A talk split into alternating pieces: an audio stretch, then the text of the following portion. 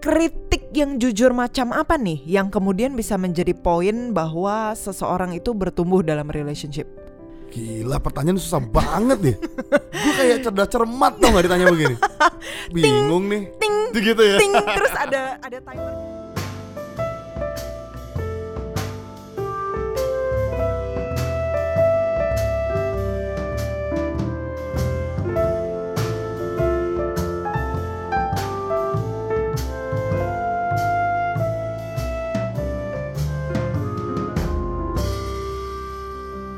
Hai semuanya.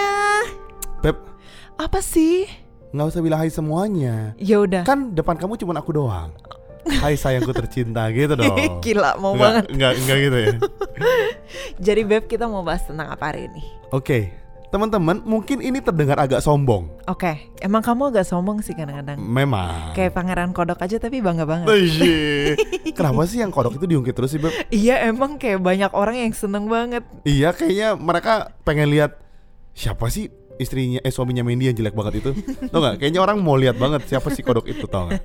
Oke jadi hari ini kita mau bahas tentang sesuatu yang orang menilai kita Hmm. Jadi jadi gini Beb, setelah kita bikin podcast ini, Hmm. teman-teman kita bikin podcast tuh udah mau mungkin 6 6 Iya, bulan ya. ha-ha. Sekitar 6 bulan ya. Nah, di perjalanan podcast 6 bulan ini ada orang-orang yang chat dan ngomong ke kita. Mm-mm. Dia bilang gini, "Eh, gua dengar lo orang jadi pasangan bertumbuh banget ya Bus. dalam waktu beberapa bulan, beberapa tahun. Kok kayaknya lo orang kelihatan bertumbuh gitu pasangannya." Gitu. Oh, kayak pohon dong ya Beb. Yo, Jadi tadinya cuma satu daun, sekarang berdaun, Ih. berlumut, berbuah. berlumut. Uh. Oh, apa sih? Tapi bukan berlendir kan. Nah, gawat nih, gawat nih. Oke, em, Jadi sebenarnya maksudnya kenapa itu tertarik untuk kamu jadiin episode kali ini? soalnya aku aja nggak nggak tahu kenapa orang bisa bilang gitu. Ya kan itu nggak bisa sesuatu yang kamu nilai, itu sesuatu yang diperhatikan orang. Ya makanya, makanya aku tuh berusaha untuk bukan aku sih kita sih berusaha untuk mencari-cari atau mengenal diri kita sendiri sebenarnya. Hmm, kita berusaha merefleksikan Ya, kenapa sih orang-orang bisa ngomong kayak gitu gitu Ah, ah, kan. benar, benar. Nah, menurut kamu Beb, setelah kamu refleksi, semedi dan meditasi, Ush, nomor pertama apa Beb? Oke. Ini cukup mendebarkan. Oke, jadi gue merasa ya, Beb, aku merasa yang pertama itu perlunya untuk berkonflik. Gila, ini kayaknya kita punya topik yang hot banget ya, karena kita berkonflik terus Iya. ya. jadi, jadi ketika teman-teman dengar, kalau dengerin kita seheboh ini, Mm-mm. berarti teman-teman mesti membayangkan seberapa banyak konfliknya. Yes. Iya dong. Seberapa perjalanan yang kita sudah lewati. Uish, padahal kita baru setahun lebih dikit gitu, setahun setengah gitu ya. Nah, oke. Jadi kenapa menurut gue berkonflik itu penting? Mm. Karena berkonflik itu bikin orang bertumbuh. Cih, itu kan kayak kayak topik awal kita kan? Enggak, enggak. Jadi gini gini gini. Gue mau bahas ini sebenarnya. Ada pasangan yang berkonflik, bertumbuh, ada yang berkonflik terus rusak. Oke. Keluarga gue, orang tua gue berkonflik dan tidak baik. G- gitu kan? Oke. Jadi kalau orang bilang, "Wih, ternyata berkonflik ya berarti kita sehat nih." Ya enggak juga. Betul. Makanya gue harus memberikan gambaran apa itu konflik yang sehat sebetulnya. Oke. Gitu. K- Keren ya Beb ya? Keren Iya, ya? iya, iya. Kayak kayaknya gue psikolog banget kan, gila kan? Jadi kamu sebenarnya belakangnya Budi Kristanda, koma M titik PSI ya, Beb ya. Oke, jadi gini, em, semua orang pasti punya masalah sama pasangannya. Semua orang pasti Betul. berdebat, punya Betul. beda argumen. Betul. Nah, yang membedakan apa sih? Gue sama Mendy pernah berantem, sering bahkan berkonflik. Uh-uh. Gue menyadari bahwa gini, ketika lo orang berkonflik Mm-mm. dan ketika lo menyerang pribadi, Mm-mm. itu akan merusak banyak hal sebetulnya. Oke, maksudnya Gua- menyerang pribadi gimana? Gue kasih contoh gini, misalnya gini, em, pasangan lu keras kepala nih ya, Oke. em, terus ada sebuah masalah, Uh-uh. misalnya masalahnya matiin lampu atau apa gitu Oke. ya, terus karena dia berkali-kali dan gak denger Mm-mm. gitu, lu bilang gini, emang ya kamu tabiatnya nggak bisa berubah, sama tuh kayak orang tua kamu juga gitu. Buset gila serem banget. Bobo orang tua lagi Beb. Iya serem banget itu kan. bukan nyerang pribadi lagi Beb. Bukan. Itu nyerang keluarga, sanak saudara dan familynya Beb. Nah it- itu itu bikin orang jadi rusak sering kali ketika berkonflik karena emosi yang lu serang bukan topiknya. Hmm, Kita pernah berantem waktu itu masalah online shop tentang pengiriman. Oke. Gua sama Mendy berantem waktu itu adalah case-nya. Yang gua argue sama dia adalah kenapa kita nggak boleh lakuin itu Hmm. dan kenapa kita boleh lakuin itu gitu. Dan kalau kita ngobrol gitu ya, berdebat segala macam, kita akhirnya solve bahwa oh ternyata masalah ini tuh yang bener begini. Hmm. Setelah itu selesai apa yang dilakukan? Gue bilang, men, beb sorry ya, tadi aku marah, aku salah, maaf, peluk selesai. Itu artinya lu mendamaikan lagi gitu. Konfliknya selesai, pribadi lu tidak terluka. Yes. Kan lu tidak menyerang apa pun gitu sih. Yes.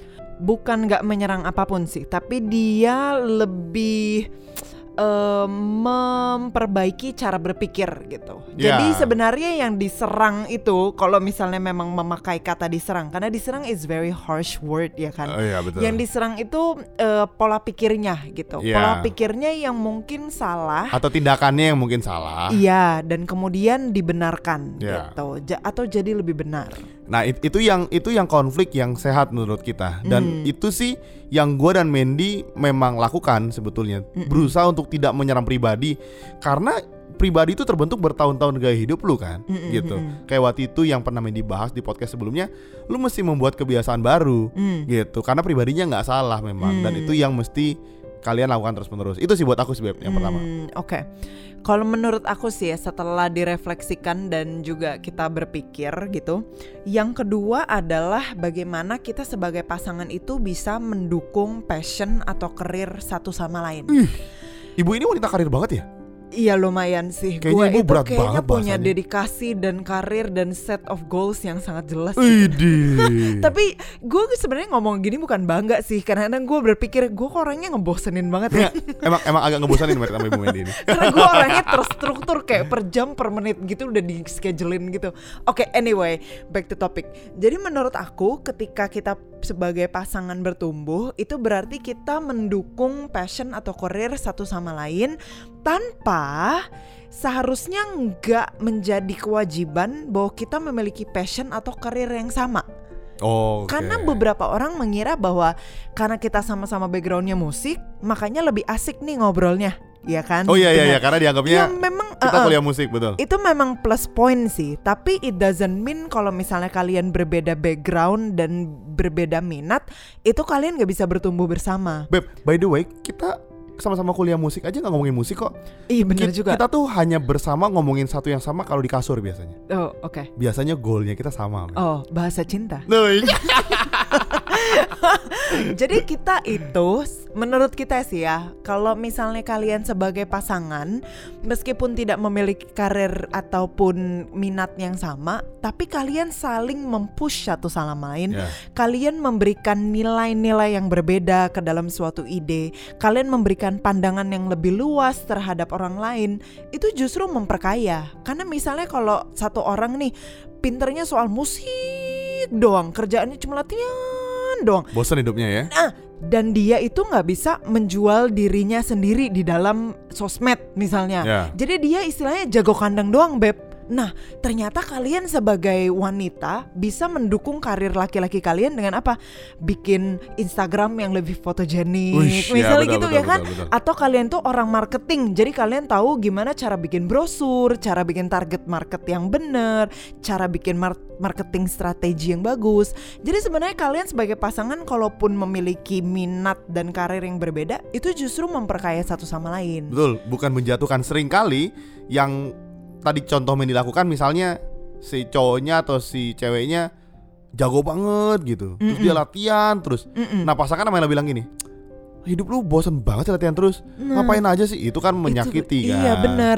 Lu kenapa sih kerjaannya latihan mulu? Lu kenapa sih misalnya eh, beli barang yang mahal-mahal banget buat kayak gitu? Iya iya iya, Now, sering kali gitu.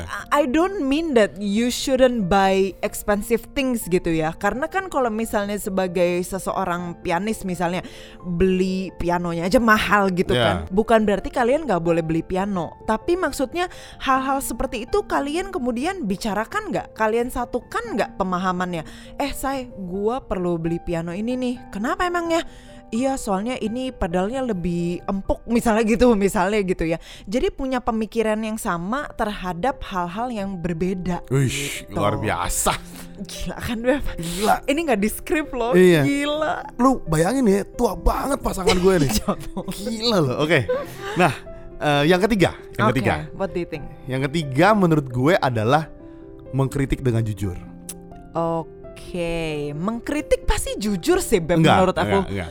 Jadi jadi ada banget sebenarnya dalam pasangan menurut gue ya. Mm-mm. Kalian entah pacaran, entah menikah, kalian tuh nggak suka, tapi kalian tidak bilang dengan jujur.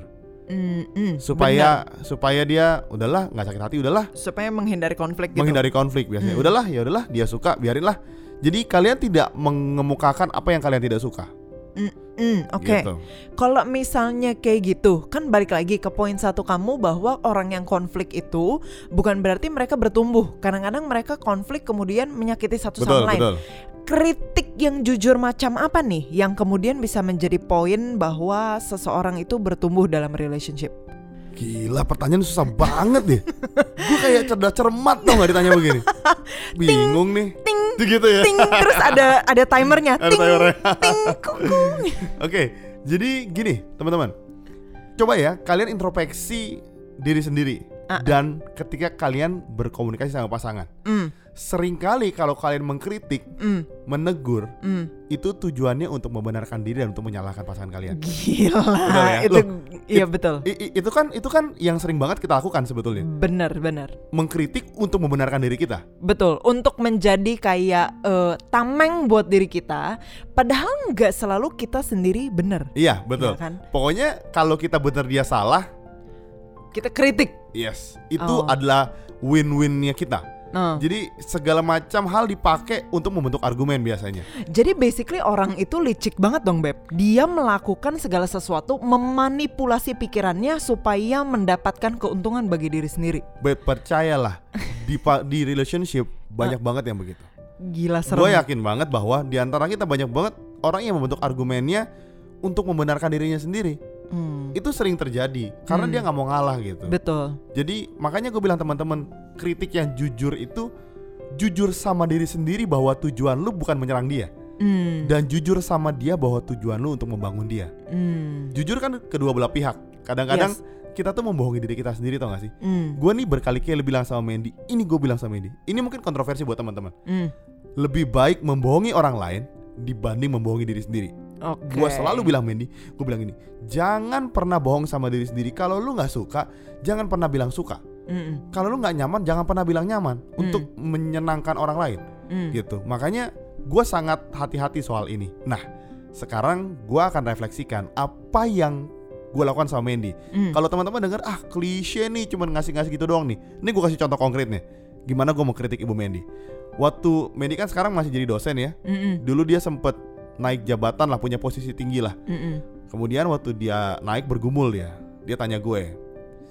Gue sih nggak setuju waktu itu. Mm-mm. Karena alasannya gue pikir nggak usah deh gitu. Mm-mm. Satu capek, dua ya gue merasa bukan tipenya Mandy lah. Oh, Oke.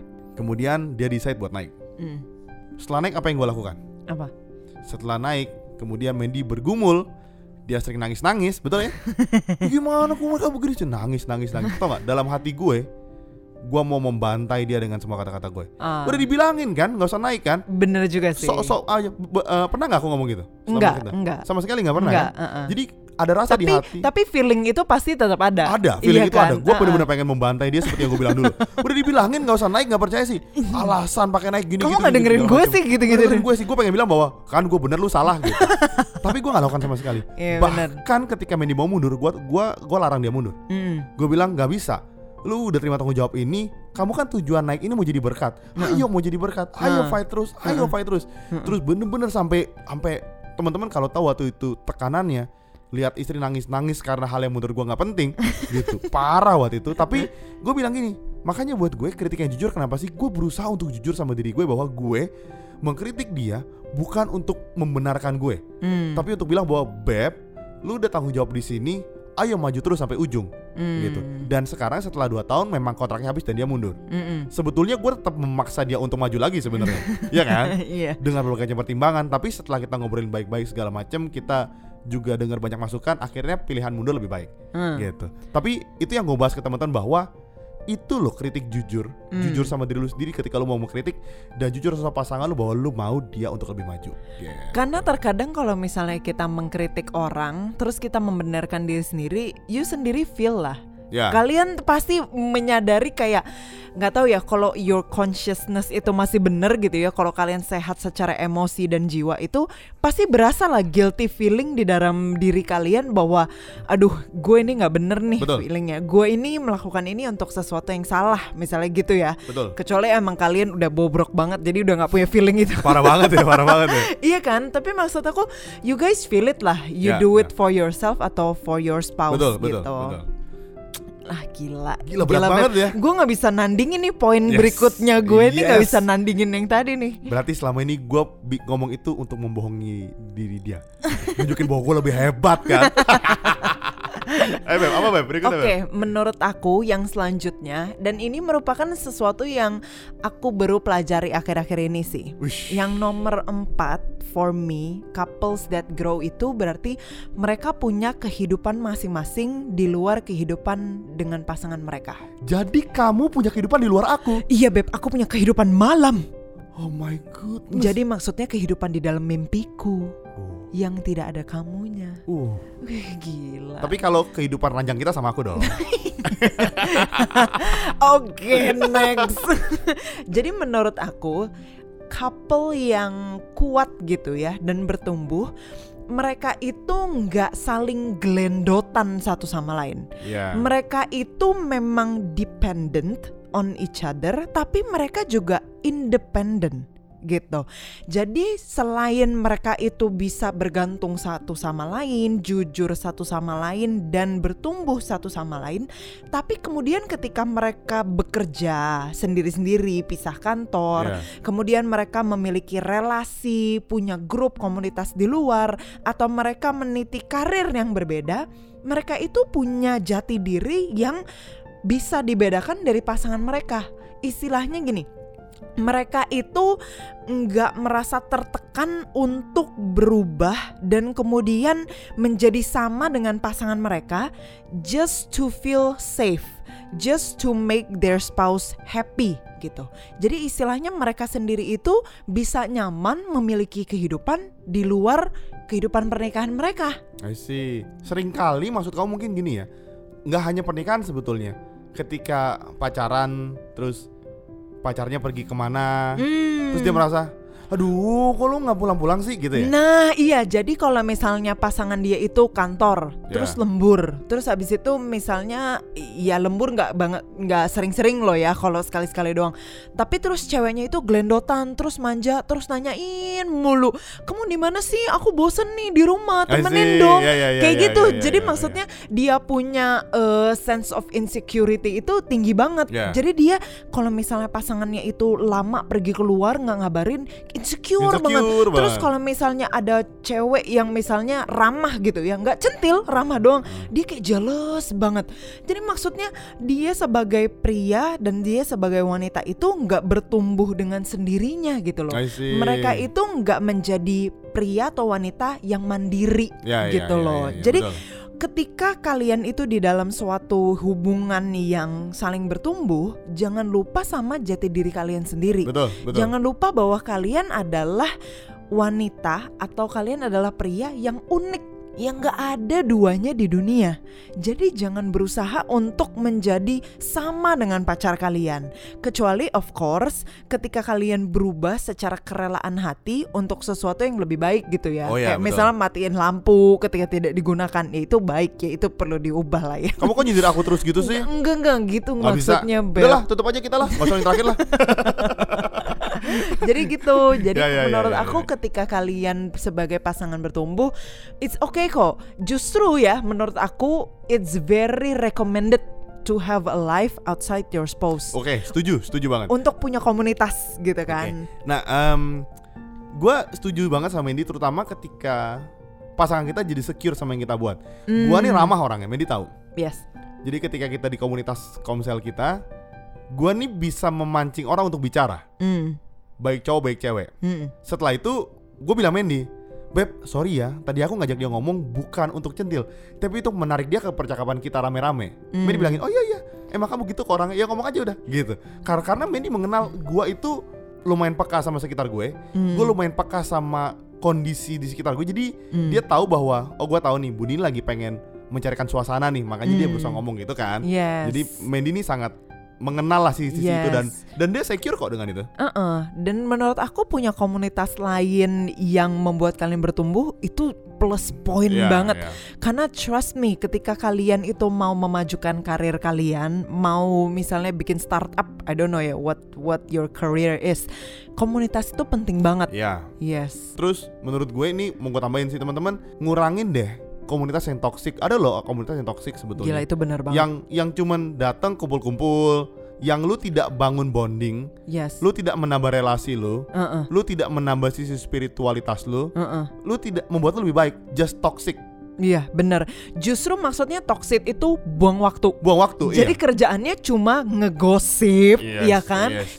Itu menurut aku bukan suatu komunitas yang membuat kalian bertumbuh. Komunitas yang bertumbuh itu misalnya kalian belajar bareng. Belajar itu kayaknya suatu nerd nerd banget Nerd gitu ya. banget ya, Maksudnya udah, belajar investasi Ah, misalnya. Terus kalian punya book club misalnya. Terus kalian punya suatu perkumpulan yang belajar hal-hal baru Iya. misalnya gitu. Jadi sekalipun kalian mungkin tidak ke punya komunitas buku, Uh-uh. ngobrol investasi, kalian tuh punya komunitas yang bermanfaat. Hmm. gitu banyak banget lah yang toxic teman-teman mulai ngurangin deh karena gue pribadi gue mulai mengurangin circle gue yang jadi toxic bener Hmm. yang gue merasa tidak membangun gue gitu Mm-mm. nggak ada masalah dengan kumpul-kumpul Iya. tapi yang jadi masalah kalau waktu lu terbuang untuk kumpul-kumpul dan lu nggak dapat apa-apa gitu lu kerjanya cuma gosip Iya. terus ngomongin soal I don't know isu-isu di kantor yang atau yang nggak perlu sebetulnya iya, instead of ngomongin konsep ideas dan Iya. future itu yang teman-teman bisa kasih masukan teman-teman nah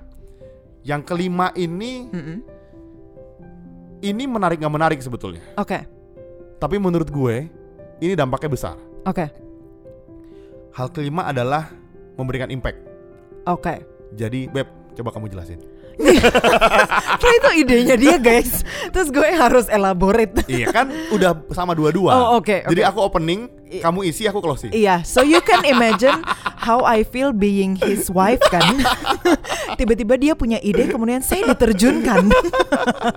Tapi iya, eh, memberikan impact maksudnya itu eh, mungkin kalau aku elaborate ya, it doesn't mean that you have to be number one. Yes. It doesn't mean that you have to be the champion at anything. Yes. Tapi memberikan impact adalah bahwa kalian tinggal di mana pun, kerja di mana pun, dengan posisi apa pun, kalian memberikan pengaruh yang baik buat orang-orang lain. Meskipun impact itu pun hanya di ring satu kalian. Ring satu tuh maksudnya eh, ke Keluarga. teman dekat, ke Ya. keluarga, ke sanak saudara, ke suami gitu kan, ke asisten rumah tangga, ke anak-anak. Hal-hal kayak gitu yang membuat impact dan itu it doesn't mean that you have to be a leader, a boss, uh, an owner of a company Ya. misalnya gitu. Tapi memberikan impact dalam artian kalian itu memberikan perubahan nggak? Memberikan sesuatu nilai atau value yang baik ke orang-orang sekitar kalian. Betul. Nah, maksudnya bayangin teman-teman ya, kalau misalnya kalian pacaran in a relationship, Hmm.